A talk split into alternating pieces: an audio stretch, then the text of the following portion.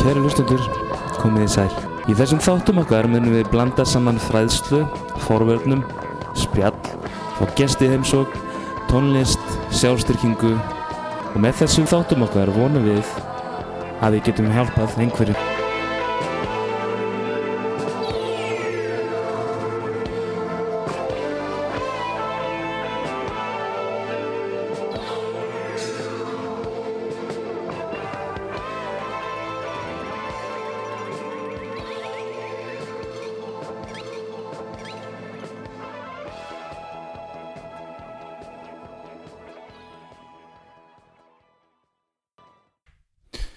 Fyrirmyndir.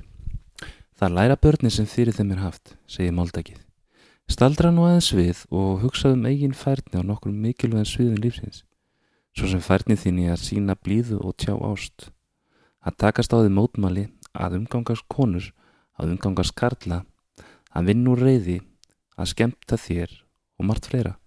En svo þú sér strax er hér um að ræða færni tengda tilfinningum. Var mikið tala við þig um þessi mál þegar þú varst barn?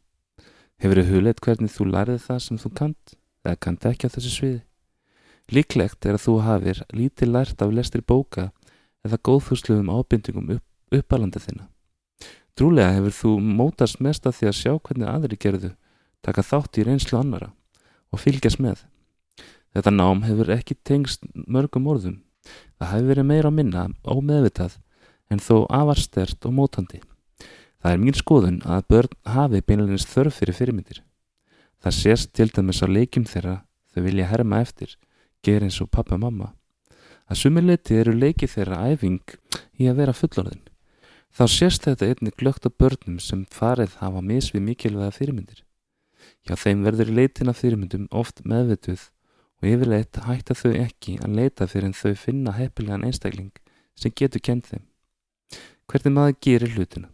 Mært hefur breyst í tímansrás en þó hefur þjóðfælið okkar aldrei breyst í hann rætt og nú síðastu áratíðina. Einn mikilvæg breyting er fólkin í aðgengi barnana af fóröldar sínum dagstælega. Fæst nútum að börn sjá nokkur tíma fóröldar sína vinna þó að þeir séu eftir vill vinnandi mikinn hluta sólurinsins. Það vísu flokkast heimilustur undir vinnu og einni vinna kennara og dagmæra en önnur vinna er flestum börnum yfirleitt framandi. Annað atriði sem hefur hér áhrif er aukinn tíðni hjónaskilnað.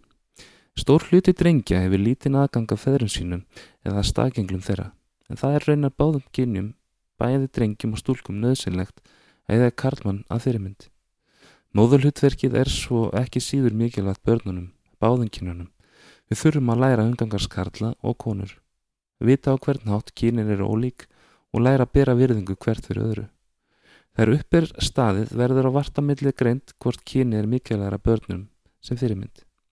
Börnin okkar vilja og þurfa samneti við báða fóreldra til að byggja upp sterkar sjálfsmynd. Í rauninni er við fyrirmyndi barnan okkar hvernig sem við stöndum okkur. Mikilvægt er að gera sér ljósta það sem við gerum sjálf, hvernig við lifum, hvernig við tökumst á við lífið og tilveruna. Hvernig við skemmtum okkur og umgangust aðra er rauninni sterk skilabóti barnana okkar um það hvernig fullanda fólki fer að. Fróðleik á þessu sviði drekka börnin í sig, hálft í góru hugsanarlaust. Þetta er í rauninni upplöfasta námið í skóla lífsins og lengi muna börnin. Kæri vinu minn, ég verða að setja sniður og skrifa til að minna þig á nokkuð sem er mjög mikilvægt fyrir mig. Ég elska þig. Ég sá því að er á tali við vinið þína og mér langaði að tala við þig líka. Ég beigði allan daginn en þú hafðir aldrei samband. Ég vonaðist til að við getum fundið tíma til að tala um kvöldið en ég veit að þú hafði margt annað hugsun. Þegar líða tók á daginn þinn sendi ég svalan andvara til að þú yrðir endunærður eftir langan dag. Ég let sérstakann ilmi loftið frá blómon við heimræðina en ég held að þú hafið ekki tekið eftir því þegar þú hraðaði þér framhjá. Mér þykir leitt að þú fyrir alltaf að flýta þér svona mikið. Ég fyldist með þér, sopnaði gerðkvöldi og mér langaði til að snerta andlitið eða strúka hárið svo ég sendi öllitið túnsljós og andlitið og kottan. Þegar þú vaknaðir í morgun vonaði ég að við getum átt öllitinn tíma saman. Svo mér langaði til að flýta mér niður og tala við þig en ég hugsa að þú hafi verið á sittni vinnuna.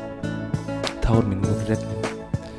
Já, svo marga gjafir handa þér, svo mikið að segja þér, svo margt ásanlegt fyrir þig að upplifa, því ég elska þig svo mikið. Þannig er eðlið mitt eins og þú veist. Gerðu það, talaði við mig, byttu mig um hjálp. Ég þekki dýpstu þrjá hjarta þíns og mér langar svo til að vera náðan þér. Ásmítið þín er dýpri en úthöfun, stærri en þú getur ímyndið þér. Ég þrái að við eigðum tíma saman, aðeins við. Það særi mig að sjá því svo leiðan í dag. Ég skilir inn hvernig það er þegar vinni bregðast. Ég veit að hjarta þitt verkjar. Ég ætla að hætta núna, því ég veit að þú átt mjög anríkt og ég vil sannlega ekki áreita þig. Þér er frjálst að kjósa mig á minn nátt eða ekki. Það er þín ákvörðin. Ég hef þegar valið þig. Elsku, verð ekki úr lengi að velja og myndu að ég elska þig. Vinur þinn Guð.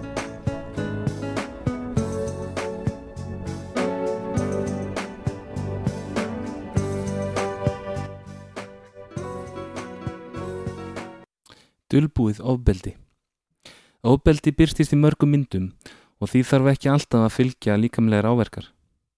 Ofbeldi getur verið tilfinningalegs eðlis og þá er það óljóst og óáþreifanlegt.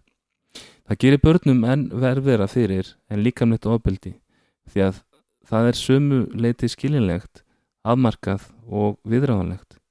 Bæði gerandi og fórnarlem vita að ofbeldi er slæmt en ofbeldi á tilfinningasviðum svo sem höfnun, vannræksla, mismunun, hótanir, einelti, háð og niðurlæging hverskins gerir börni varnalös og rugglar þau. Þau hafa fá tækifæri til að svara í sömu mynd. Séum endur tekið ofbeldi að ræða mótar það sjálfsýmynd barna og tilfinningarlið markvist. Hætt er við að meinsemdin fylgir börnunum til næstu kynsluðar. Stundum er andliðu ofbeldi beitt undir merkjum góðmennsku. Þá fá börnin erfið tvöföld skilabóð. Ég er bara að reyna að hjálpa þér, eru orð sem gætu fyllt slíku ofbeldi. Þannig er ofbeldið eða vannrækslan sveipuð hulu réttlætinga sem ruggla börnir í rýminu. Tökum dæmið á móður sem misnótar áfengi. Hún drekkur helst fjóra dæja viku og finnst ekki mikið þó að maður fái sér einn og einn spjórstökur sinnum.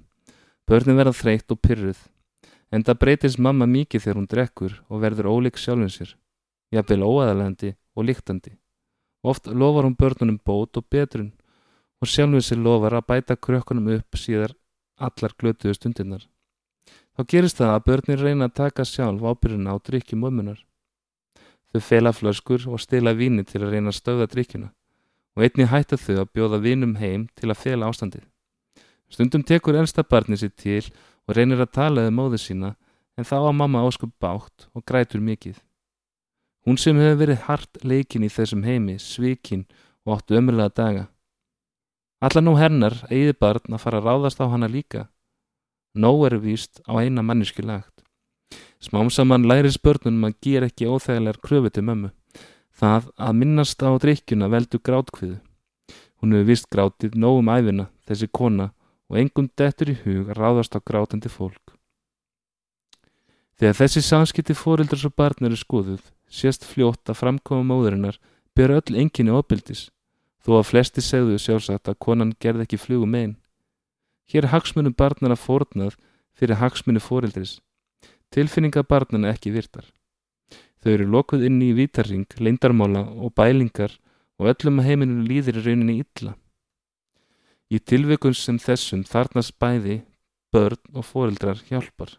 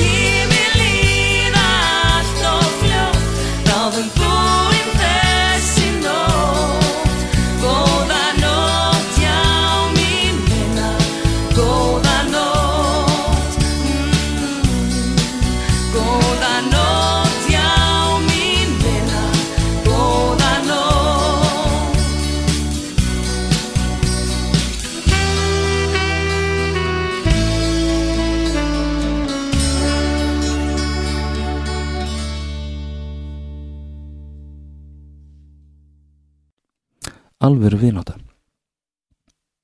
Dag eitt þegar ég var á fyrsta ári í mentaskóla sá ég eitt strákur mínum bekk á leiðinni heim úr skólunum.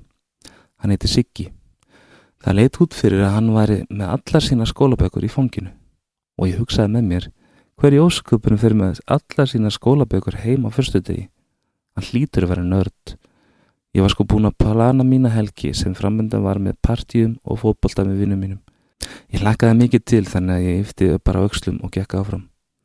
Á menn ég var að lappa þarna sá ég fullt af krökkum hlaupa í háttina sigga. Þau slóðu bækarnir á fanginu hans, rindu honum. Þannig að hann datt í götuna og gleraði hún flug af honum og lendi í grasinu þó nokkuð frá honum. Hann leiti upp og ég sá sorginu augum hans. Ég vorkindi honum þannig að ég hljópi áttina til hans þar sem hann var að leita glerurunum sínum. Ég sá tári augum hans. Ég rétt á hann glerurun og sagði Þessi krakkar eru hálgirir asnar og ættu alls ekki að haga sér svona. Hann horði á mig og þakkaði mér fyrir og brosti. Brosan var eitt af þessum brosum sem bera vottum þakklæti og í augum hans var mikið þakklæti. Ég hjálpaði honum að týna saman bækurnar og ég spurði hann hvað hann ætti heima.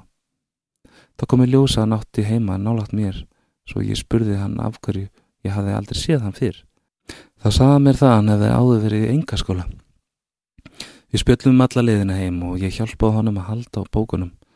Mér fannst það að vera ansir restrákur og spurði hann hvort hann væri til í að koma með mér og vinnum mínum í fótboll á lögadaginn. Hann var sko til í það, en ekki aðeins það heldur var hann með okkur alla helgina. Því betur sem ég og vinnum mínu kynntist honum, þess betur kunnum við hann.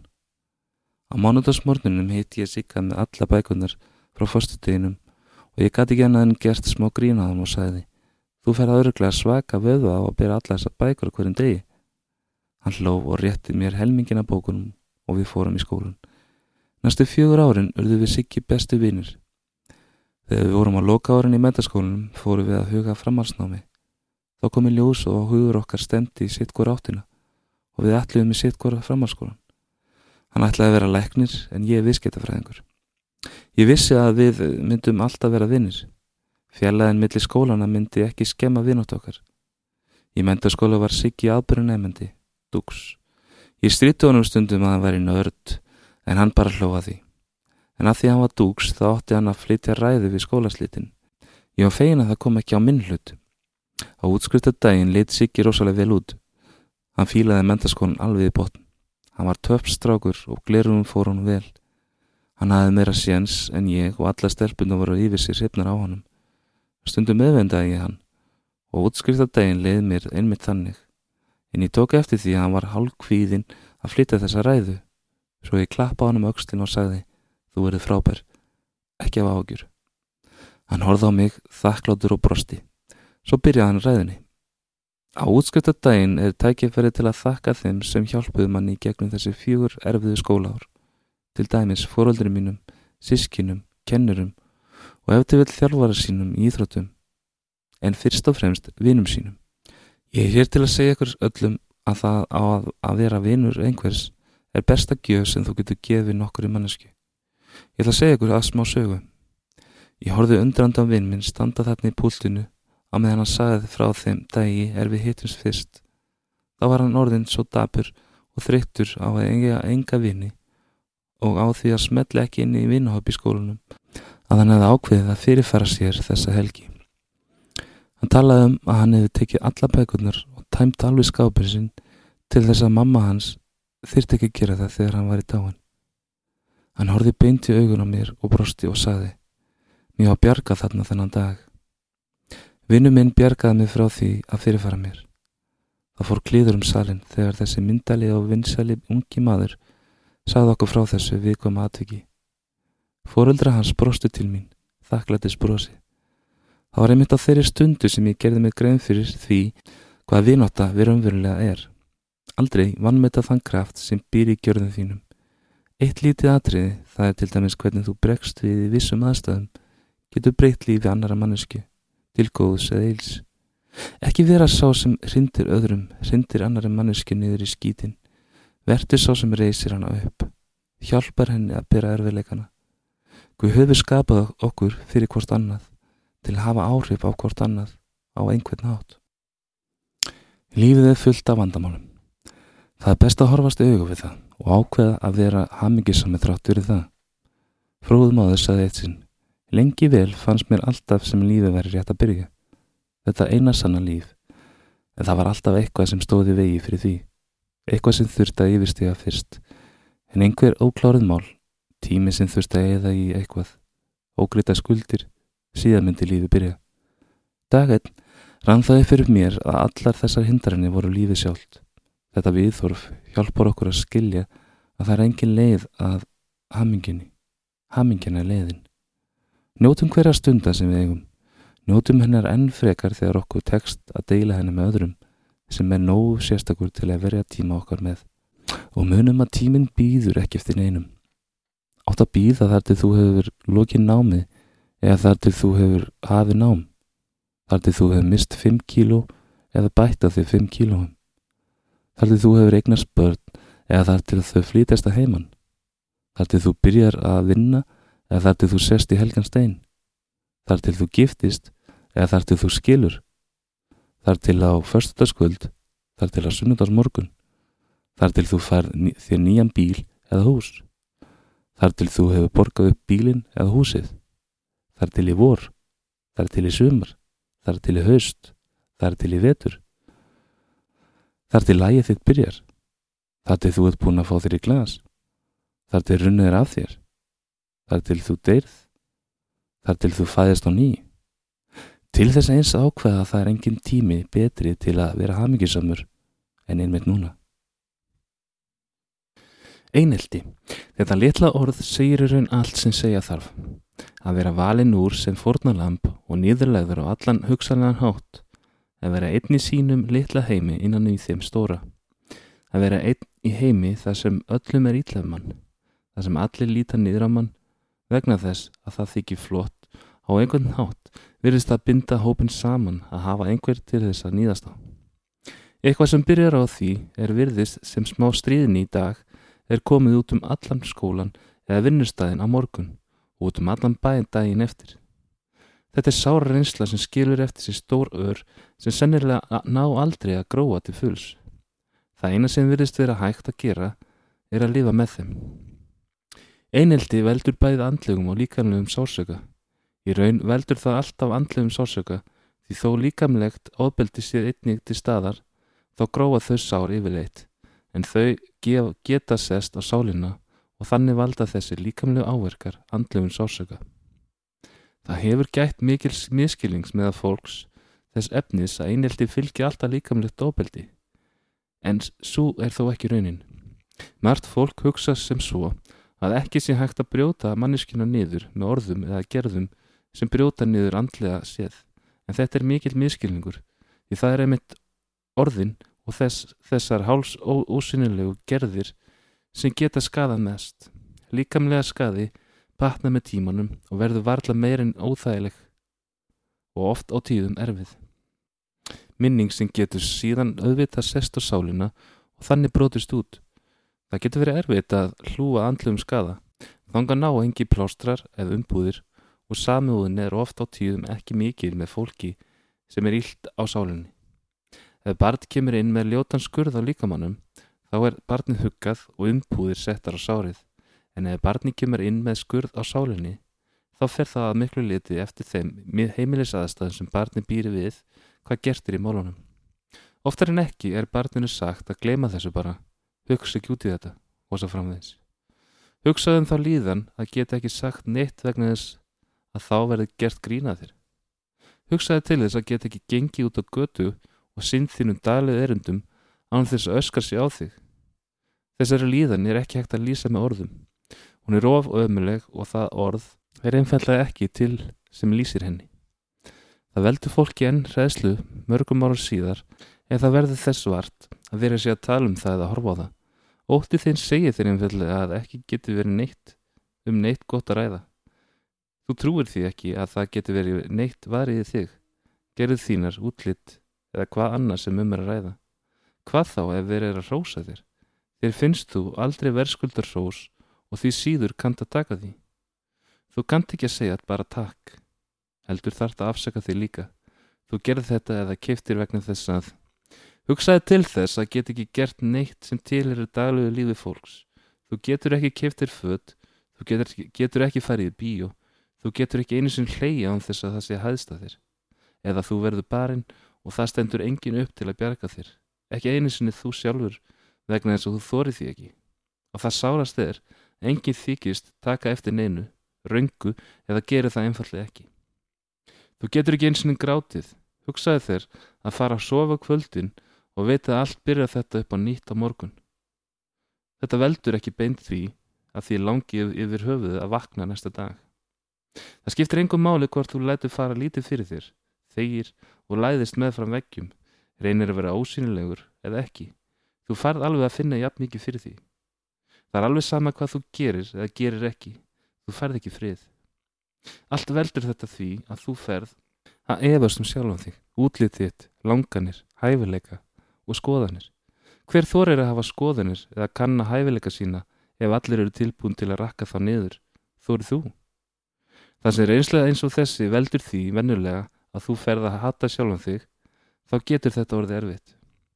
Hvernig átt þú að geta séð eitthvað fallegt við mannesku sem aðri fyrirlíta? Það er sárt að horfast að auka við það að vera svo misöfnaður að maður sé ekki gælgengur í mannlegu samfélagi. Þessi sásöki nagar þig upp að hinnan þanga til ekkert er eftir. Engar tilfinningar, ekkert. Nefna ræðsla og sjálfsatur. Þú ferð að hata sjálfan þig fyrir alla þessa galla sem þú greinilega hefur og smám saman með ferð að sjá þá sjálfur. Útlýtskalla þína, gallana gáunum og svo framvegis. Vinirni sem þú taldi þega hverfa smám saman vegna þess að þeir þóra ekki að láta sjást með þér. Þeir verða hlutleysir áhörundur sem rétt ekki einu sinni fram litla puttan þér til hjálpar eða gera neinum viðvart um ástandið. Ef hefnin er með þér þá máttu koma heim til þessara vina þó þeir þekki því varla út á götu og þetta þykkur þú með þakklæti. Því þín krumpaða sál þykkur hvert þann vináttu kvot sem henni er síndur eins og þurr svampur en þetta heitir ekki vináta. Þetta heitir að láta traðkásir. Og veistu hvað? Þið er alveg sama. Þú fattar ekki eins og hvað þetta er ljótur leikur það verður þér kannski aldrei alveg eðlilegt að láta fara svona með þig en öll viðnáta er þér svo nöðsynleg að þú þykkur hvað sem er. Þetta er þó yfirbúrskend viðnáta því þú ert hættur að geta treyst fólki og auk þess er ástandið þannig að ekki má ræða það. Því þetta er hillileg skömm. Það er því lífsnöðsinn að enginn frétti hvernig farið er með þig. Að þú skulir vera svo ljótur, heimskur, gáðaður eða hvað annað. Skömmin er svo mikil að þólendin gerir allt til þess að fela ástandið. Jafnveil hilmir yfir með gerandunum ef því er að skipta. Það kvartlar reyn ekki að þér að gerandu séu að gera neitt ránt eða að sökinn sé þeirra. Jú, kannski djúft í undir meðutundinni, en þú svæfir þær, hugsanir áður en þær ná að brjótast fram. Í þínum huga er skömmin frekar þín þetta er þér að kenna fyrir að vera svona eins og þú ert. Og þú átt þetta fullkomulega skilið Gerendunir eru ekki að gera neitt ljót. Þú hugsa með þér, all ljóti þetta vera þér að kenna og er þetta hljóta að segja mikið til um það hvers konar personu þú ert. Og þó að þér sé komið í skilning um að skömmi sig gerendana, þá finnst þér hún svant fyrir þín. Þetta segir mikið til um sálarástandi. Þetta hljóma kannski sko eins og sjálfspyntingakvöð en er það þó ekki. Þetta er aðeins hræðsla, ofsarhæðsla við lífið. Það er erfitt að vera 8, 10, 12, 14 ára og horfa all lífið framöndan og þurfa að burðast með þetta leindamál á bækinu. Þetta leindamál sem enginn má frétta og óttan við það hvað fólk muni þá halda um þig. Uppur þessu fara áhámálun skoðanir að týnast því alla þína tilfinningar eru orðna svo dopnar að þú veist einlega ekki hvað er gaman eða leiðanlegt lengur. Það bara er. Uppur þessu fer það flýja inn í ímyndaðan heim, bóka, bíamynda og tölvileikja þar sem þú getur einbett þér að einhverju öðru en sjálfum þér og hinn um gráa hverstasleika. Það getur reynst þér erfitt að ræða þetta þegar þú loks hefur þig í að leita þér hjálpar því þú mætir ofta tíðum lítlum skilningi meðal fólks því það virðist ekki sjá mikinn mun á smá stríðinni og mikillistriðinni. Í augum flestur er þetta eitt og hóið sama. Það var þá allavega þar til fyrir fáam árum og í dag loka flestir augunum fyrir þessu. Viðkvæði sem þú færð er aðeins af hverju stríður þeim ekki bara móti. Allir hafa einhverja galla eða veikleika. En það sem þetta góða fólk skilur ekki er að þetta er ekki aðeins smá stríðni eða hrekkur. Heldur er þetta ofsóknir. Eineltið skilur þið eftir í líki niðurbrotina tauga hrúu. Alveg sama hversu sterkur þú varst á meðan þessu stóð, þá brotnar þú niður þegar þú áttar þig á þessu eða lokið. Þú vaknar ekki við það einn morgunin að þú sé sloppin klóm eineltisins og hamingja blasi við þér. Ó nei, þegar þú ert sloppin frá þessu, þá kemur aðeins annaði staðin, hræðislan við að hefja þið nýja líf. Á meðan á eineltinu stóð varstu einn í þínum eigin heimi, kannski líka stimmum kassa þar sem allt var dimmt og ömulegt. En á vissan hátt varstu farin að aðlæðast, þú vissir hvar þú stóðst í marfiðingastíðunum, neðst og allir trampandu hausnum á þér. Og þar ertu þegar kassarlóki opnast og þú sér glitta í sólskinnið sem er þó í órafjallegð og þér finnst þú ekki hafa neina krafta í að reyna að klifra upp. Þú þórið því heldur ekki. Þú ert hrettur og er ekki felst í þessum litla dimma kassa sem þú, þú hefur falið því í. Það er svo erfitt að reyna að verða manniski á ný. Þetta er í raun eins og að byrja að lífa upp á nýtt. Læra að kynast fólki og þar á meðal sjálfum þér. Læra að treysta fólki og aftur þar á meðal sjálfum þér. Þessi reynsla skilur eftir sér spór sem verða vegið þínum daglega. Til dæmis það að kynast fólki. Flestir kynast bara fólki án þess að velta því nokkuð fyrir sér, hvernig þeir fóru að því. En þólundur eineltis kunna það ekki og virðast alltaf þurfa að finna aðferðið. Hvað eigi að segja og hvernig eigi að koma fram? Að meðan öðrum virðist þetta að vera meðfætt. Þú ferð að fylgjast með því hvernig aðri byrja sig að. En þegar upp er staðið græður sannilega ekkert á því. Eins er með mörg atri í daglugu lífinu. Þér finnst annað fólk oft hafa það svo gott en þegar þú hugsaður því um þá á það sennilega í sömu smávægilu erfileikunum og þú. En einhvern veginn virðist þetta fólk bara taka á þeim og halda áfram að lifa. Málið er bara að þú ert einfallega búin að fá því svo fullsata erfileikum og sjálfströsti er svo lítið að þetta er þér megn. Allt byrjar þetta heima. Börnin fæðar sem fullmótaðar einstaklingar en þau fæðast ekki með skoðanir. Þau fæðast með sinn eigin persónuleika og skapriði en þau fæðast ekki um ílgjöld. Þessi hlutir mótast inn á heimilinu, í nánasta umhverju barsins og það eru þeir sem barni lítur upp til sem móta þá. Hvernig fyrirmynd vilt þú vera? Vilt að barnið þið tilengi sér það besta eða versta í farið þínu? Vita er að fórsprakarnir koma þessa stað til að beina aðteklinni frá þeim sjálfum. Þeir eru að fela erfiðar heimilisastæður eða eftir vill eitthvað aflaga í eigin fari eða sinna nánustu. Hugsaðu þið um og hugsa um það hvernig einstaklingu þú vilt að barnið þitt verði og beindu uppbyldun í þann farveg. Kjörn hlustundur, höfundur af þessari grein er Sigriðu Árdís Kristínadóttir.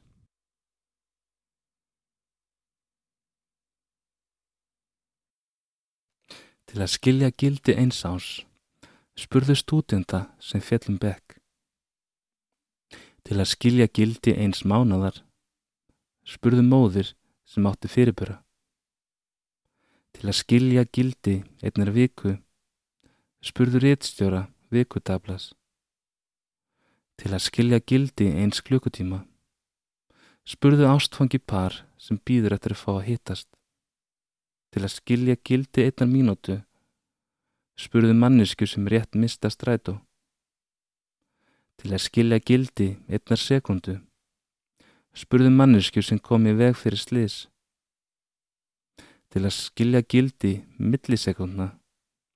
Spurðu mannesku sem fekk silfrið á olimpíleikunum.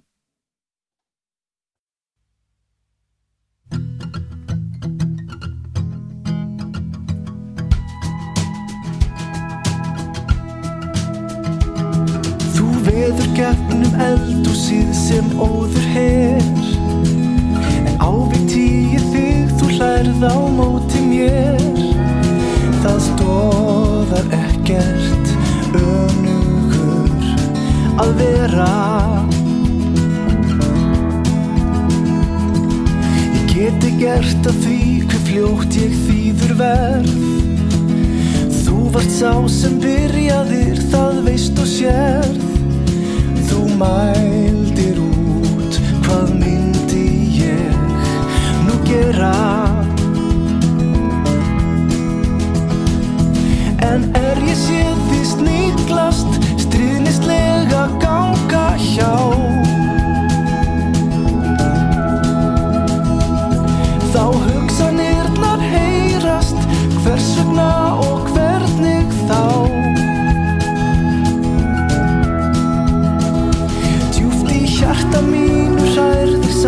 streng Sérstökk full við saðar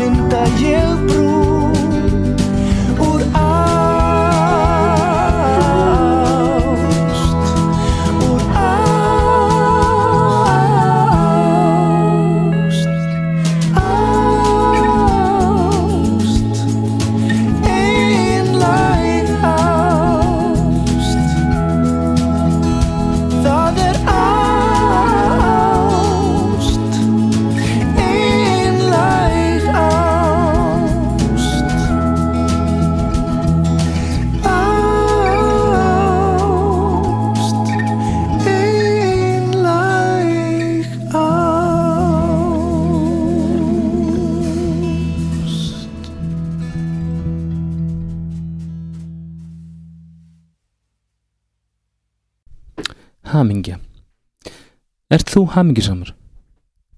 Stór spurning og svarið við henni er byggt á hvernig þú sérð hamingjuna. Sum okkar tengja hamingju við að ná starfsframa eða eignast peninga. Vera mikil smetinn eða umgangast þekta einstaklinga. Aka um á flottum dýrum bíl eða geta farið í dýrt og flott frí. Þessi lista af efnislegum hlutum getur haldið áfram endalust. Þetta eru veralli afreg. Um leið og okkur hefur áskotnast eitthvað eða náð einhverju stendur hamingjan oftast stutt yfir. Í raun er það ekki hamingja, heldur gleði.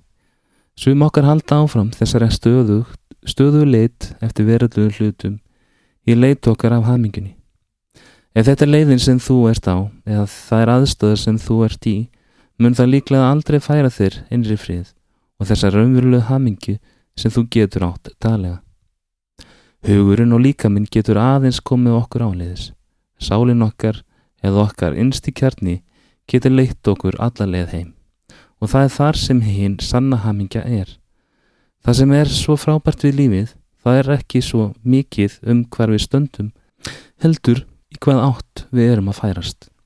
Taktu þér tíma í næði, hlusta á þögnuna og skoða því hvaða átt þú ert að fara. Hugsa um ferðalegi sem þú ert á. Er þá réttur leið? Er það þetta sem þú vilt? Ef ekki, gerðu þá breytingar. Breytingar sem færa þig í átt til hamingjunar. Sönn hamingja er falin í ferðaleginu, ekki áfengastæðan.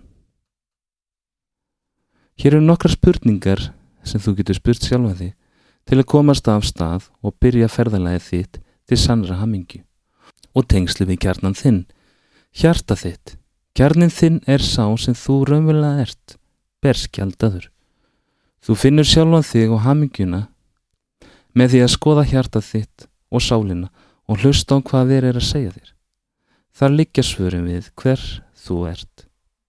Já, það krefst hurekis að gera það en áhættan sem þú tekur mun færa þér verðskuldu verlun sem er hamingjan sjálf. Hér koma nokkra spurningar. Númer 1. Ertu þakklátt eða þakkláttur fyrir lífið og ertu að fagna framtíðinni? 2. Upplifið þú að þú sért meðvitaður eða meðvituð um umhverju þitt og í tengslu við kjarnan þinn? Hinn röfulega ferð þín í að finna velgengn og hamingju veldur ekki á að fá nýja hluti heldur að sjá lífið með nýju jákvæðu hugafæri. Númer 3. Hvar ertu stattu núna? Aðalmálið er ekki endilega hvar, hvar þú ert stattur heldur í hvaða átt þú ert að fara. Þú ert sá sem velur leiðina og ert í aukomasætinu. Það er aldrei var seint að breyta leiðinni. Númer 4. Elskarðu og ertu þakkláttu fyrir lífið? Ég hef sannrænt að ef ég er þakkláttur eða þakklátt og elskar lífið þá mun það elska þig á móti. Það kostar ekkert að reyna. Númið 5. Hvernig leitar það haminginni? Demandarnir þínir er ekki hátt upp á fjöllum eða hinum með við lækin. Þeir eru í þínum eigin gardi. Það eina sem þú þarf að gera er að grafa eftir þeim. Skoða inn á við í hjartað þitt og þinn innri kjarnar. Því dýbra sem þú grefur, því betra. Þegar við sjáum hammingina í að lifa lífinu öklablíkinu, gera það sem við elskum, ástunda þaklandi, vera trú sjálfum okkur, ekki taka hlutina persónlega, tala og umgangast aðra með kjallega, gefa okkur ekki einhverja ákveðna forsendur og gera alltaf okkar besta, munum við líklega upplifa sanna hamingju daglega.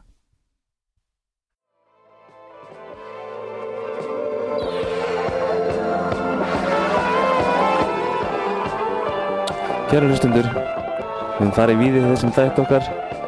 Ykkur hlustundur góðir, næra fjær, þökkum við áhörnina og þar til næst, við reyðir hress, bless, bless.